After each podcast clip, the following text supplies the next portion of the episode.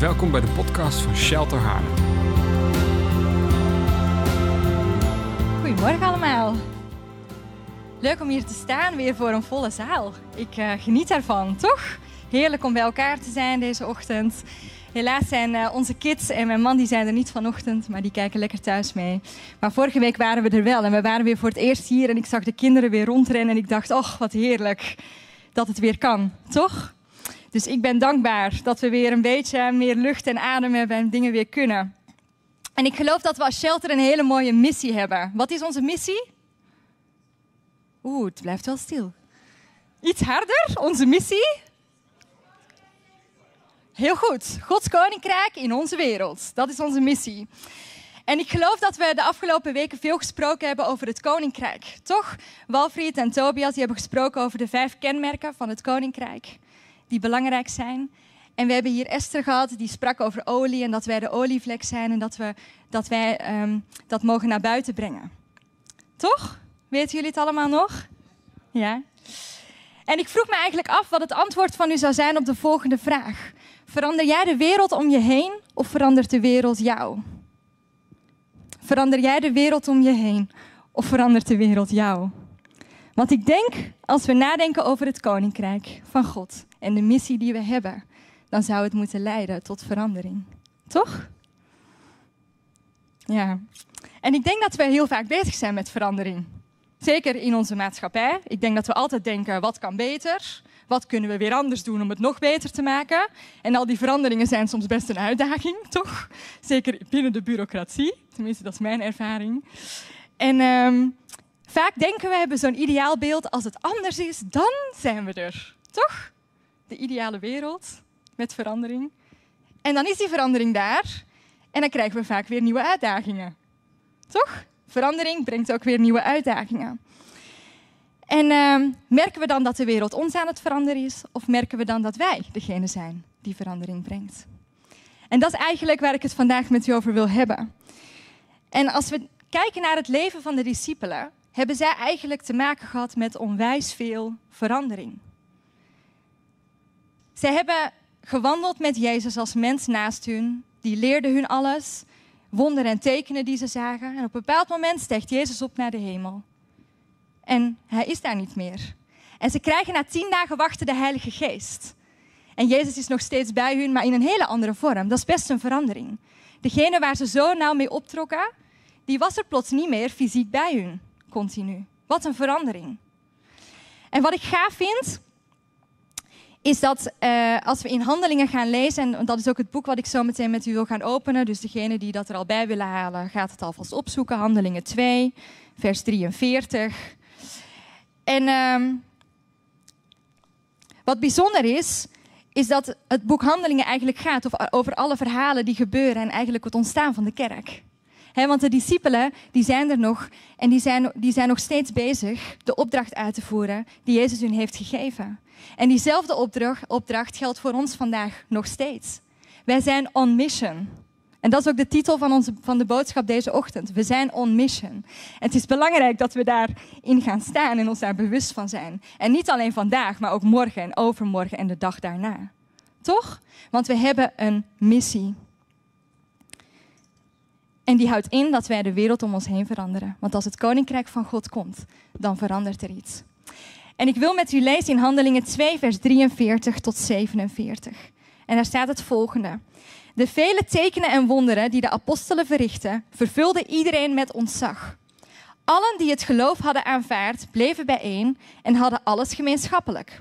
Ze verkochten al hun bezittingen en verdeelden de opbrengst onder degenen die iets nodig hadden. Elke dag kwamen ze trouw en eensgezind samen in de tempel, braken het brood bij elkaar thuis en gebruikten hun maaltijden in een geest van eenvoud en vol vreugde. Ze loofden God en stonden in de gunst bij het hele volk. De Heer breidde hun aantal dagelijks uit met mensen die gered wilden worden. Gaaf, hè? Dit is gewoon het begin van de kerk eigenlijk. De Heilige Geest is net uitgestort. En wat staat er? Vele tekenen en wonderen gebeurden er. Ze kwamen samen, ze waren familie. Ze deelden de dingen met elkaar. Ze kwamen samen in de tempel en dat was hun dagelijks leven. En elke dag kwamen mensen tot geloof En die voegde zich toe. Hoe vet, hè? Ja, ik bedoel, dat is gewoon opwekking, mensen. Ja, ik word hier enthousiast van. Soms kunnen we de Bijbel lezen en dan lezen we daarover in twee minuten. En dan denk je, oh ja, ik ben alweer op hoofdstuk 5. Maar we staan soms niet stil bij wat er gebeurt, toch?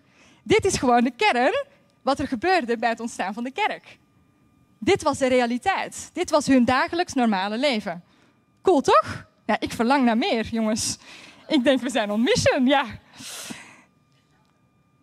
En velen leerden God kennen en elke dag kwamen ze samen. Ze kwamen samen in de tempel. En dan gaat het verhaal gaat verder in Handelingen 3. En dat is eigenlijk het verhaal van een heel mooi wonder. En het eerste wonder wat in Handelingen zo uitgeschreven staat. En dan wil ik let u lezen Handelingen 3, vers 1 tot 10. Het staat niet op het scherm. U mag erbij nemen. Op een dag gingen Petrus en Johannes, zoals gewoonlijk, omstreeks het negende uur, dus rond 15 uur s middags, naar de tempel voor het namiddaggebed. Men had ook een man die al sinds zijn geboorte verlamd was naar de tempel gebracht. Hij werd daar elke dag neergelegd, bij de poort die de Schone heet. Mooi hè, de Schone. Is Vlaams toch? De Schone Poort? Nee? Vind ik mooi. Om te bedelen bij de bezoekers van de tempel. Toen hij zag dat Petrus en Johannes de tempel wilden binnengaan, vroeg hij om een aalmoes. Petrus richtte zijn blik op hem, evenals Johannes, en zei: Kijk ons aan. De bedelaar keek naar hen op in de verwachting iets van hen te krijgen. Maar Petrus zei: Geld heb ik niet, maar wat ik wel heb, geef ik u. In de naam van Jezus Christus van Nazareth, sta op en loop. Hij pakte hem bij zijn rechterhand om hem overeind te helpen. Onmiddellijk kwam er kracht in zijn voeten en enkels. Hij sprong op, ging staan en begon te lopen. Daarna ging hij samen met hen de tempel binnen, lopend en springend en godlovend. Alle tempelbezoekers zagen hem lopen en hoorden hem God loven. Zij herkenden hem als de bedelaar die altijd bij de tempelpoort had gezeten en waren buiten zichzelf van verbazing over wat er met hem was gebeurd. Wat een gaaf wonder, hè, mensen. Gewoon een man die verlamd was, eigenlijk ook al 40 jaar. Later in de tekst kan je dat lezen. Die man was 40 jaar lang verlamd, vanaf geboorte. En die man die wordt aangeraakt door Jezus en loopt en springt en staat. Amen. Dat zijn wonderen die, waar ik naar verlang. Toch? Dat we dat gewoon normaal vinden. Toch? Daar wil ik naartoe. En ik word hier enthousiast van. En eigenlijk denk ik ook hoe simpel het eigenlijk is om het koninkrijk van God te brengen. Ik denk dat als we er vaak over nadenken, dat we het soms best wel moeilijk maken, terwijl het eigenlijk iets heel simpels is. Om gewoon uit te stappen en te verwachten dat God iets doet. En als we dat allemaal kunnen, kan het ook niet zo ingewikkeld zijn. Toch? Het is niet afhankelijk van hoe jong je bent, hoe oud je bent, sociale klasse, maakt allemaal niet uit. Het koninkrijk van God is voor iedereen en wij kunnen het allemaal uitdragen. En daar zijn helemaal geen eh, voorwaarden voor wat we kunnen doen, toch? Dat is toch cool? Omdat we Jezus kennen. Dat is de enige voorwaarde, dat we geloven in Hem. En het verhaal begint met het zinnetje: Op een dag gingen Petrus en Johannes zoals gewoonlijk naar de tempel. En ik geloof dat als we willen dat Gods koninkrijk zichtbaar wordt, dat dat heel vaak gebeurt on the way, op je route, van A naar B. Toch? Dat is waar het koninkrijk zichtbaar wordt. Ja, soms denken we, ja, hoe ga ik dat doen? Hoe ga ik dat plannen in mijn agenda? Ik heb het druk, druk, druk. Maar eigenlijk is het heel simpel. On the way, op je route van A naar B. Onderweg van huis naar school om je kinderen te brengen, van school naar huis, naar je werk, van je werk dat je bezig bent, je pauze, van je pauze weer naar je werkplek. Dat zijn de momenten waar, waar het gebeurt, denk ik. In het dagelijks leven. En dat was voor hun ook hun dagelijks leven. Zij gingen elke dag naar de tempel. Dat was normaal. Zoals elke keer, routine, dagelijkse routine, naar de tempel. En ze zien deze man. En ik denk uh, dat we soms vergeten dat het koninkrijk van God gewoon in onze onderwegmomenten gebeurt. En dat is het eerste punt wat ik gewoon met je wil meegeven. Omdat het de momenten zijn dat God gave dingen wil doen. En ook voor de jongeren onder ons. Ik weet nog dat ik, dat ik op school zat en dat ik vaak in de pauze die gesprekjes had met mijn klasgenoten over God. Toch? Dat zijn de momenten dat je een keer een gesprek krijgt. Het hoeft niet te plannen te zijn in onze agenda. En natuurlijk is het goed om af en toe de straat op te gaan en dat allemaal wel te plannen. Of acties te plannen, dat is goed. Maar ik geloof dat het grootste aantal van dingen die gebeuren in ons dagelijks leven gebeuren. Amen. En zo moest ik laatst ehm, ik ben altijd wel van de gesprekken voeren. Ik hou van praten. Ik ben, ik ben echt een vrouw, ik hou van praten. En eh, dit jaar eh, heb ik ook als, eh, als doel gesteld wat meer bewegen. Dus ik ben wat meer aan het wandelen in plaats van de auto stappen. En een van de dingen die ik heb veranderd is dat ik de kinderen altijd lopend naar school breng. En weer lopend naar huis loop voor ik naar mijn werk rij. Dat doet mij goed in mijn hoofd. En ik heb altijd leuke gesprekken met andere ouders. En ehm, op een ochtend was ik ehm, van school naar huis gelopen en ik zag weer een ouder die ik al heel lang ken. Maar ik merkte het afgelopen jaar dat ik geen ingang had. Er, speelde van alles thuis. Ik wist ook dat er van alles mis was. Maar ik, ik, ik kon maar niet horen wat er aan de hand was. En die zei ook tegen mij, ja, ik kan er echt niet over praten. Dus ik had al een paar keer tegen de Heer gezegd, Heer, ik wil graag openheid, want ik wil iets betekenen. Toch? En eh, op een bepaald moment komt ze in de ochtend naar me toe, op mijn woensdagochtend. Dat is mijn vrije ochtend tegenwoordig. Twee kinderen naar school, dus ik heb eindelijk tijd voor mezelf. Ken je dat? En ik had allemaal plannen. Maar die sprak mij aan en ik dacht, oké, laat mijn plannen varen. Ik ga even het gesprek aan. En er komt een heel verhaal uit, en echt een heel verdrietig verhaal. En wat ik merkte bij mezelf, ik, ik wil haar helpen, ik wilde iets voor haar doen. En ik ben als, eh, in mijn werk eh, ben ik hulpverlener. Dus ik merkte dat ik eigenlijk helemaal vanuit mijn hulpverlening ging helpen. Dus ik had gebeden voor openheid. En wat ga ik doen? Ik ga vooral mijn professionaliteit inzetten. Dus ik heel wat ochtenden besteed om mee te helpen en mee te denken en te praten. En, een bepaald moment dacht ik, heer, ja, wat ben ik nu eigenlijk aan het doen? Want ja, dat doen al die hulpverleners al.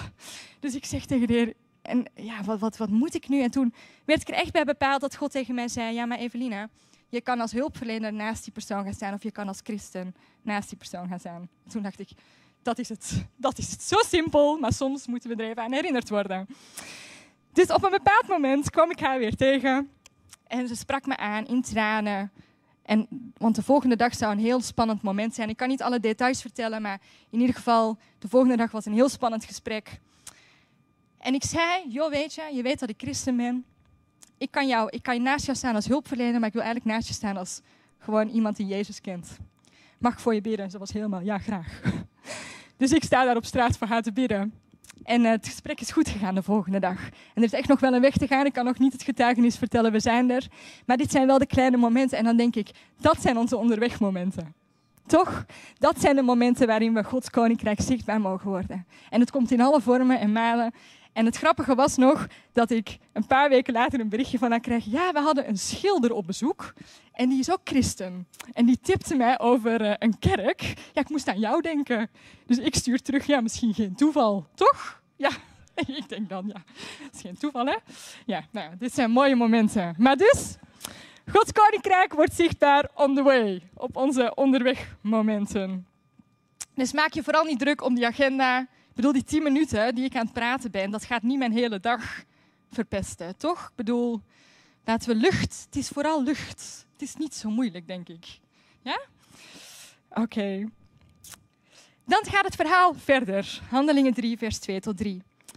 Men had ook een man die al sinds zijn geboorte verlamd was naar de tempel gebracht en hij werd daar elke dag neergelegd bij de poort die de Schone heet, om te bedelen bij de bezoekers van de tempel. En in het Engels staat er, As they came to the entrance, called the Beautiful Gate, they were captured by the side of a man crippled from birth, being carried and placed at the entrance to the temple.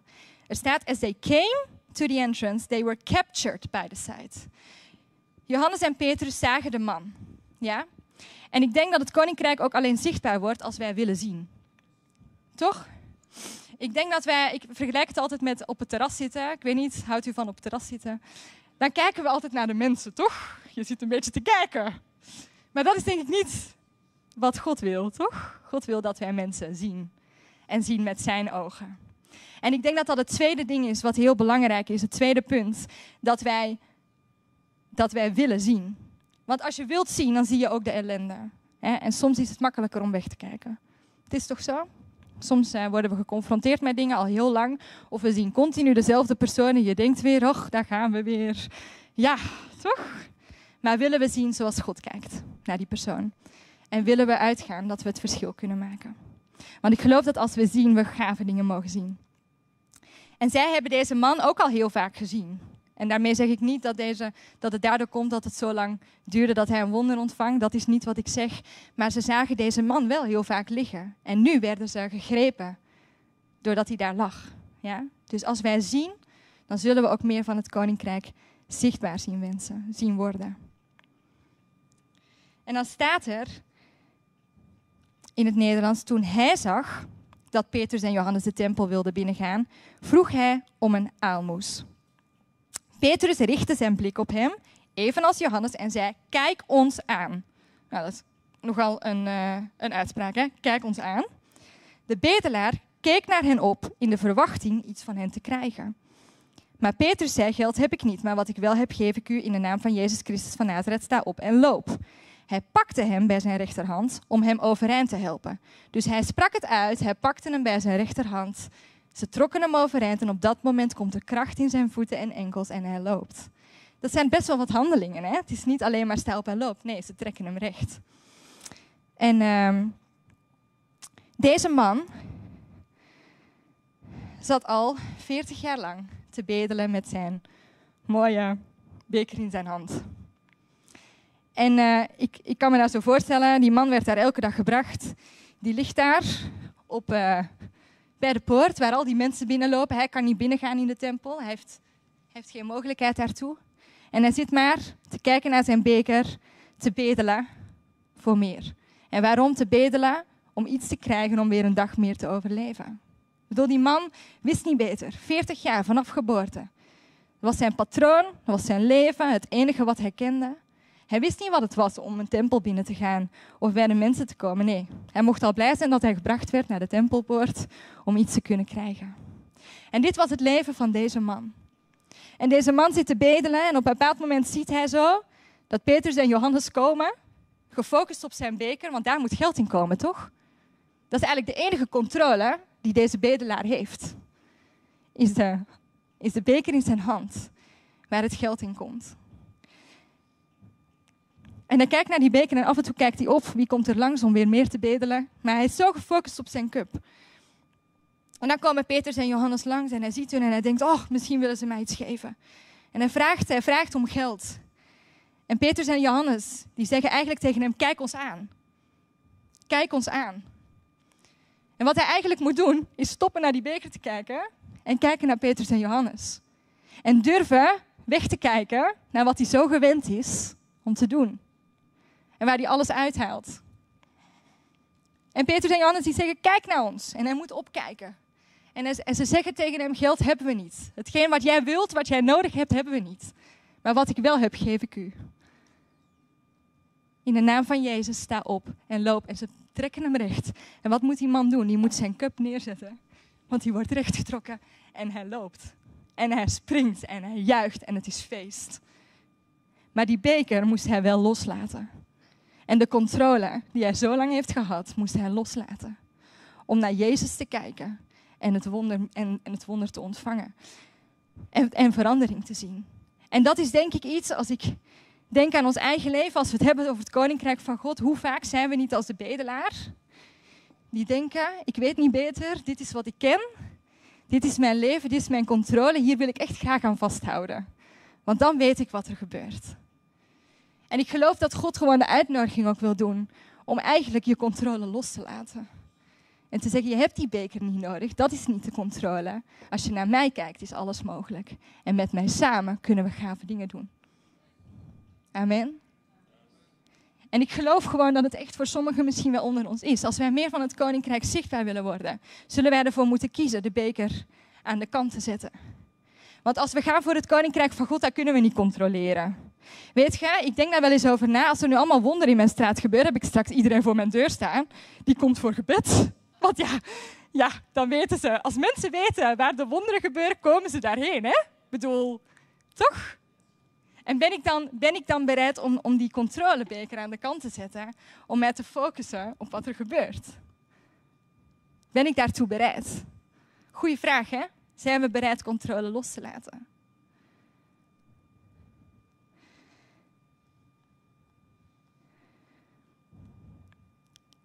En wat ik zo gaaf vind, is dat, dat Petrus en Johannes gewoon uitstappen en vervolgens dat die man gewoon toegang heeft tot de tempel.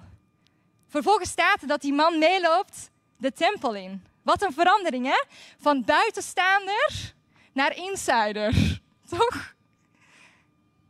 Ja, je behoort tot het koninkrijk van God. Je, je, maakt er deel van uit. En zo mogen wij ook de mensen deel laten zijn. En wat ik zo mooi vind, is dat het allemaal gebeurt bij de poort de schone.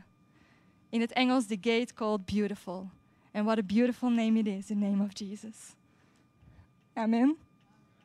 En als we daarvoor gaan, zullen we zulke gave dingen zien. En dat wonder gebeurt en die man loopt in de tempel. En dan staat er het volgende in vers 11. De bedelaar klampte zich aan Petrus en Johannes vast, terwijl de hele menigte stom verbaasd rond hen samenstroomde in de zuilengang van Salomo. Toen Petrus dat zag, richtte hij het woord tot het volk. Israëlieten, waarom bent u zo verbaasd en waarom staart u ons aan alsof het onze eigen kracht of vroomheid te danken is dat deze man weer kan lopen? De mensen waren verbaasd en dachten, wat, wat doen Petrus en Johannes nu? Wie zijn die mannen? Ik bedoel, wat gebeurt er nu? Ze waren zo gefocust op hun. En dan zeggen zij in vers 16, het komt door zijn naam en door het geloof in zijn naam dat deze man die u hier voor u ziet en die u kent, kan lopen. Het geloof dat Jezus schenkt, heeft hem in aanwezigheid van u allen gezond gemaakt. Het koninkrijk wordt zichtbaar in Jezus' naam. En de naam van Jezus is genoeg. We hebben niet meer nodig dan de naam van Jezus. Weet je, soms denken we dat we heel goed moeten kunnen bidden of allemaal dingen moeten doen voordat we wonderen zien gebeuren. Ik geloof dat we gewoon mogen zeggen in de naam van Jezus. Wees gezond. In de naam van Jezus, pijn verdwijn. In de naam van Jezus, Heer, geef herstel. Want de naam van Jezus is genoeg. We hebben niet de lange gebeden nodig of de lange strijden. Nee, de naam van Jezus is eigenlijk genoeg. En dat maakt het ook gewoon simpel. Weet je, we hoeven niet te denken dat we heel veel moeten. Zo werkt het niet. De naam van Jezus is genoeg. En daarin zit onze autoriteit. We hebben het al gezongen vanochtend, hè? dat wij autoriteit hebben gekregen, toch? Dezelfde autoriteit als de discipelen, dezelfde autoriteit als Petrus en Johannes, dezelfde Heilige Geest, die zij ook hebben. Dus wij kunnen hetzelfde als hun doen, door de naam van Jezus. Dus het koninkrijk wordt zichtbaar in Jezus' naam. En wat een verandering voor deze man, toch? 40 jaar lang verlamd, ja, als ik daarover nadenk, dan denk ik wel eens in mijn eigen leven, als er iets verandert, hoe, hoe moeilijk dat soms is. Hè? Van nieuwe, nieuwe patronen ontwikkelen, toch? Ja, die man is eindelijk, na 40 jaar kan die man lopen. Die wist niet eens wat het is om te lopen. Dit wonder betekent dat die man die kan gaan werken, die kan andere dingen gaan doen, die kan naar het sociale leven, die kan de tempel in, die kan mee eten aan de tafel, wat hij eerst niet kon. Die man kan van alles. Vet, toch? Dat is het wonder wat, wat, wat er is gebeurd. Dit wonder heeft zoveel gave gevolgen, maar ook wel best een uitdaging. Toch? Maar wel verandering. Het koninkrijk wordt zichtbaar als er iets verandert. En ik denk dat we, dat we soms vergeten, wat doen we dan? Wat doen we als de verandering er is? En dan staat er dus in vers 11 dat hij zich klampte aan Petrus en Johannes. Hij klampte zich aan hun vast. En het is denk ik zo belangrijk dat we ons vastklampen aan de juiste mensen en aan de juiste dingen als God iets in ons leven doet. Toch? Als we verandering zien, dat we aan het juiste gaan vastklampen. Want weet je, die beker die we altijd hadden, die is er niet meer, toch? Die is weg. Dus dat betekent dat er iets anders moet komen in de plaats. Want dat is waar hij zich eerder aan vastklampte. Toch? Dus de vraag is, waar klampt, klampt u zich aan vast? En wat moeten we misschien soms wel eens loslaten in ons leven? Om on mission te kunnen gaan. En uh, weet je, vaak, vaak denken we als we het hebben over verander jij de wereld of verandert de wereld jou? Ik heb altijd heel veel gesprekken met mensen. Dan hebben mensen het vaak over wat allemaal andere mensen doen of de omstandigheden. Maar wat ik dan altijd, altijd zeg is, maar jij hebt enkel invloed op wat jij doet. Je hebt geen invloed op de ander, je hebt geen invloed op wat een ander denkt, je hebt geen invloed op wat hij gaat zeggen of misschien gaat gebeuren. We weten het toch niet. Maar je hebt wel invloed op wat je zelf doet. Je hebt zelf de invloed om je controle los te laten en gewoon te gaan. Je hebt zelf de invloed om je onderwegmomenten te gebruiken om, om iets zichtbaars te laten worden van Gods koninkrijk. En ik denk dat we ons daarop moeten richten. Waar hebben we wel invloed op? Toch? Want uh, de wereld heeft, ja, andere dingen die zijn er. En dat kunnen we toch niet nu meteen veranderen. Maar we kunnen wel daar verandering brengen, daar waar wij komen. Amen? Ja. En wat ik gaaf vind aan het boek Handelingen, is dat het boek Handelingen helemaal een open einde heeft eigenlijk. Het is niet een boek wat ineens geëindigd is of zo. Het is een open einde. En waarom? Omdat het verhaal nog lang niet afgelopen is. Wij leven gewoon in de dagen van handelingen. Zo moet je het zien. Wij zijn gewoon de kerk vandaag de dag en wij mogen het verhaal verder vertellen. En we mogen totdat Jezus terugkomt, mogen we dat doen, mensen. Dus laten we daar ook voor gaan. Dat we dezelfde verhalen zien en misschien nog wel gavere verhalen dan dat we lezen. Toch? Dat we nog meer zullen zien dan wat we lezen in Gods woord. Omdat ik geloof dat er altijd meer is met God. Amen. En dat we on mission gaan. Net als de discipelen. En dat we ons daar bewust van zijn. Dus de vijf punten die belangrijk zijn om te onthouden. Het koninkrijk van God wordt zichtbaar op onze route. Het wordt zichtbaar als wij willen zien, als wij mensen willen zien. Het wordt zichtbaar als we controle durven loslaten. Het wordt zichtbaar in de naam van Jezus en zijn naam is genoeg. En het wordt zichtbaar als er iets verandert. Amen. En ik wil een moment nemen om ons even onze ogen te sluiten.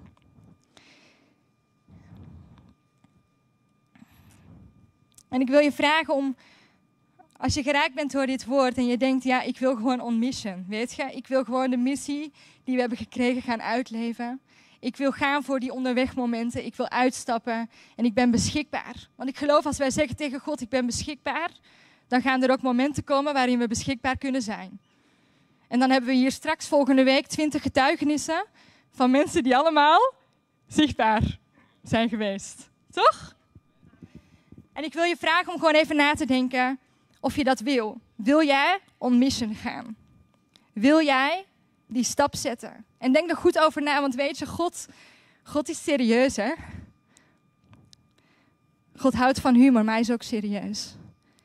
En ik wil je gewoon vragen, als jij degene bent en je zegt, ik wil on ik wil on zijn, dan wil ik je vragen om te gaan staan. Op dit moment.